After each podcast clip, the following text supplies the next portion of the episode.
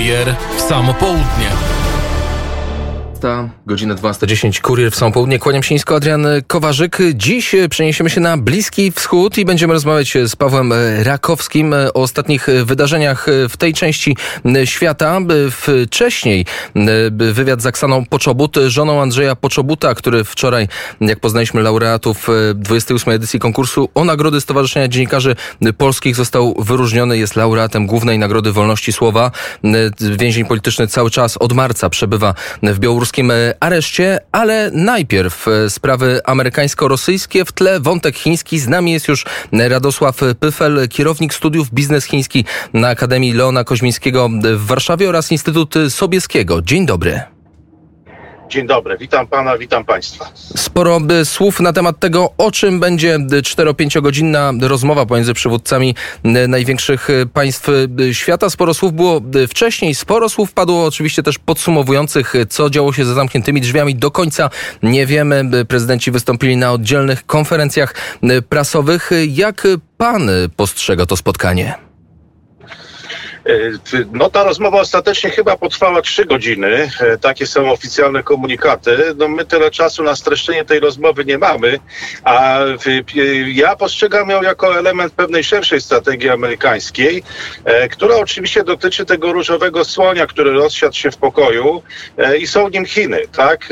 I mówiąc o całej serii, czy o całej kombinacji, o kombinacji posunięć, różnych posunięć amerykańskich, mam na myśli przede wszystkim najpierw przyjęcie przez Senat Stanów Zjednoczonych e, New Competition Act, to jest e, taki akt prawny, który decyduje o przyznaniu 250 miliardów dolarów na konkurencję w ramach technologiczną z Chinami, rozwój innowacji, nowych technologii i to jest pierwsza rzecz. Druga rzecz to szczyt G7 e, i Stany Zjednoczone razem z sześcioma innymi krajami, takimi jak Francja, Niemcy, Japonia, Kanada, Italia, E, między innymi tak e, przyjmuje wspólny taki plan czy ośmiopunktowy komunikat, e, w którym zobowiązuje się między innymi do stworzenia specjalnego funduszu infrastrukturalnego mającego być przeciwwagą dla chińskiego programu pasa i szlaku, chińskiej koncepcji pasa i szlaku. Wiele jeszcze innych ciekawych jakby tutaj przedsięwzięć tam się pojawiła. Zapraszam wszystkich słuchaczy na swój kanał na YouTube, bo dzisiaj nagrywam komentarz na ten temat i on ukaże się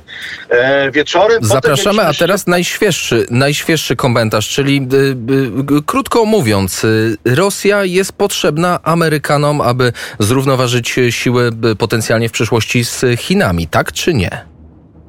Kto jest komu potrzebny w tej tak. rozgrywce? Tak, zdecydowanie tak. No to był czwarty element tego planu, bo jeszcze mieliśmy po drodze szczyt NATO, w Polsce szeroko komentowany, gdzie również dużo mówiło się o Chinach, no i to wszystko zakończyło spotkanie z Władimirem Putinem e, w Genewie. No i nie ulega wątpliwości, że tym różowym słoniem, wokół którego jakby wszystkie te działania, do którego wszystkie te działania się odnosiły, są Chiny. No i tutaj e, trudno też ocenić jednoznacznie to spotkanie. Przeglądałem relacje w polskich mediach, raczej dużo mówi się o tym, że to, że to spotkanie przebiegło w chłodnej atmosferze. E, w zachodnich mediach pisze się, że, że atmosfera była dobra, mimo tego, że e, z tych pięciu godzin nie trwało pięć godzin, tylko trzy godziny, e, ale była duża wymiana uprzejmości, takie komplementy Joe Bidena pod adresem Władimira Putina, Władimira Putina pod adresem Joe Bidena. Między innymi Joe Biden nazwał no, Władimira Putina godnym adwersarzem, ale resetu nie ma, bo podtrzymano wszelkie rozbieżności niektórzy postrzegają to jako, e, jako taką przyjęcie przez Rosję pozycji przetargowej, że jednak chciałaby uzyskać wyższą cenę za ewentualną przychylność. E, na pewno te rozmowy będą kontynuowane i to widać już choćby po tym, jak Amerykanie teraz odnieśli się do Chin, bo e, nie doszło jeszcze do rozmów face to face między Joe Bidenem a, a Xi Jinpingiem.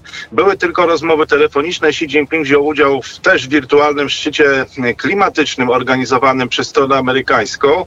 E, no i Amerykanie już używają tego argumentu, że osobista jakby dyplomacja jest najważniejsza, nic jej nie zastąpi i że e, powinny być, e, jak najszybciej powinno dojść do takich rozmów już osobistych między Joe Bidenem a Xi Jinpingiem. Może do nich dojść chociażby w październiku na szczycie G20, który odbędzie się w Italii. Mieliśmy G7, teraz będzie, będzie G20, no ale widać wyraźnie, wyraźnie, że Amerykanie w sposób systematyczny realizują pewne elementy swojej strategii dążą do jak najbliższych tutaj kontaktów czy spotkań z Xi Jinpingiem, e, a Rosja jest tutaj elementem tego i myślę, że te rozmowy z Rosją będą kontynuowane. Teraz przełomu nie ma, żadnego resetu nie będzie. Zresztą to jest taki stały element gry. Z jakichś powodów nie wiem, dlaczego on wszystkich dziwi w Polsce, że jednak co 7-8 lat no, mamy reset z Rosją albo ocieplenie tych relacji, potem znowu oziębienie, to trochę tak jak in yang można powiedzieć. I to jest stały element gry. No ale za każdym razem jakoś w Polsce wywołuje to e, ogromne zdziwienie e, i przyznam szczerze, że już sam jestem tym zdziwiony, zdziwiony tym zdziwieniem. Tak bym, e, tak bym powiedział. Dobrze, więc mamy ten moment ocieplenia, 7 lat chudych, 7 lat tłustych. Amerykanie potrzebują Rosjan. Z tyłu jest wątek chiński. Pan sprawami chińskimi zajmuje się na co dzień. Władimir Putin na konferencji prasowej, mówiąc o wielu, wielu rzeczach po spotkaniu z prezydentem Joe Bidenem, wspomniał także o rosyjskich, rosyjskiej polityce międzynarodowej i o tym, do czego dąży Rosja, bo mówił pan, jaki jest cel Amerykanów, a jaki jest cel, cel Rosjan. Rosjanie chcą stworzyć przecież nowy szlak komunikacyjny, który ma przebiegać przez Arktykę. Szlak komunikacyjny, no, w którym jakby nie było, mają być transportowane, domyślam się, towary również z Chin. No Rosja ma dużą zbieżność strategiczną z Chinami, dużo wspólnych e, interesów. Przede wszystkim nie jest na rękę obydwu krajom hegemonia Stanów Zjednoczonych, więc dopóki mogą, no to z pewnością będą zainteresowane e, podkopywaniem tej hegemonii. No to co się co bardziej opłaca Rosji w takim wypadku? Iść z Amerykanami czy iść z Chińczykami? Gdzie jest więcej zbieżnych interesów? Co Amerykanie muszą dać Rosji, aby móc trzymać ją bliżej? To jest kluczowe pytanie, tak na dobrą sprawę, dlatego że my w Polsce mamy tendencję do myślenia w kategoriach czarno-białych e, i dlatego bardzo pasowały nam, e, pasuje nam struktura takiego myślenia zimnowojennego. Ja przyglądając te komentarze po tych szczytach e, G7, NATO, ale również po spotkaniu Joe Bidena z Władimirem Putinem, to tam wszyscy zapewniali, że nie ma mowy o żadnej zimnej wojnie, że będziemy rozmawiać, że są rozbieżności, czasem fundamentalne, ale że świat nie dzieli się na czarny i biały, nie dzieli się na zimną wojnę. Przy czym, jeżeli tak spojrzymy na polski dyskurs, to ostatnie 7 lat to jest wręcz przekonywanie, że mamy do czynienia z zimną wojną albo ona jest nieunikniona. No tutaj przywódcy NATO, Jens e, Stoltenberg, czy e, Joe Biden, czy Władimir Putin, wszyscy mówili, że nie, że właśnie tego nie będzie. No to oczywiście nie wiadomo, czy tak się nie stanie, no ale rozmowy trwają. Jak one się zakończą? Jaka będzie cena? E, co ostatecznie zostanie wynegocjowane? To trudno powiedzieć. Jeżeli spojrzymy historycznie, co właściwie chyba w tej części świata, to już powinniśmy to dawno wiedzieć jako Polacy. Zawsze mnie dziwiło to, że Chińczycy mówią, no tyle mieliście do czynienia z Rosją i zawsze się dziwicie e, posunięciami rosyjskimi. Przecież e, to wszystko już było. Pokój w Tylży za czasów napoleońskich. Rosja przystępuje do wojen napoleońskich jako sojusznik Napoleona, Potem ten sojusz odwraca. Przystępuje do e, II wojny światowej, no może nie jako sojusznik, ale właściwie chyba też można powiedzieć, że, że ten układ Ribbentrop-Mołotow, no to było jakieś porozumienie e, no, nazistowsko-sowieckie, potem to odwraca.